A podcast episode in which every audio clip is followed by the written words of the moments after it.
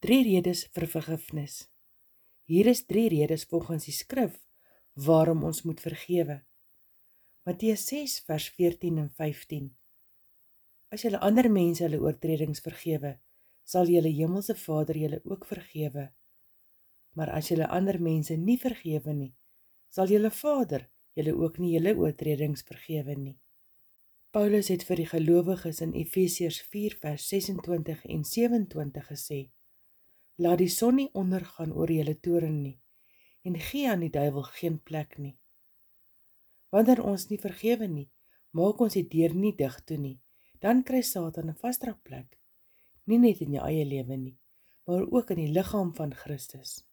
Matteus 18 vers 33 tot 35 moes jy nie ook jou mede-amptenaar jammer gekry het soos ek jou jammer gekry het nie.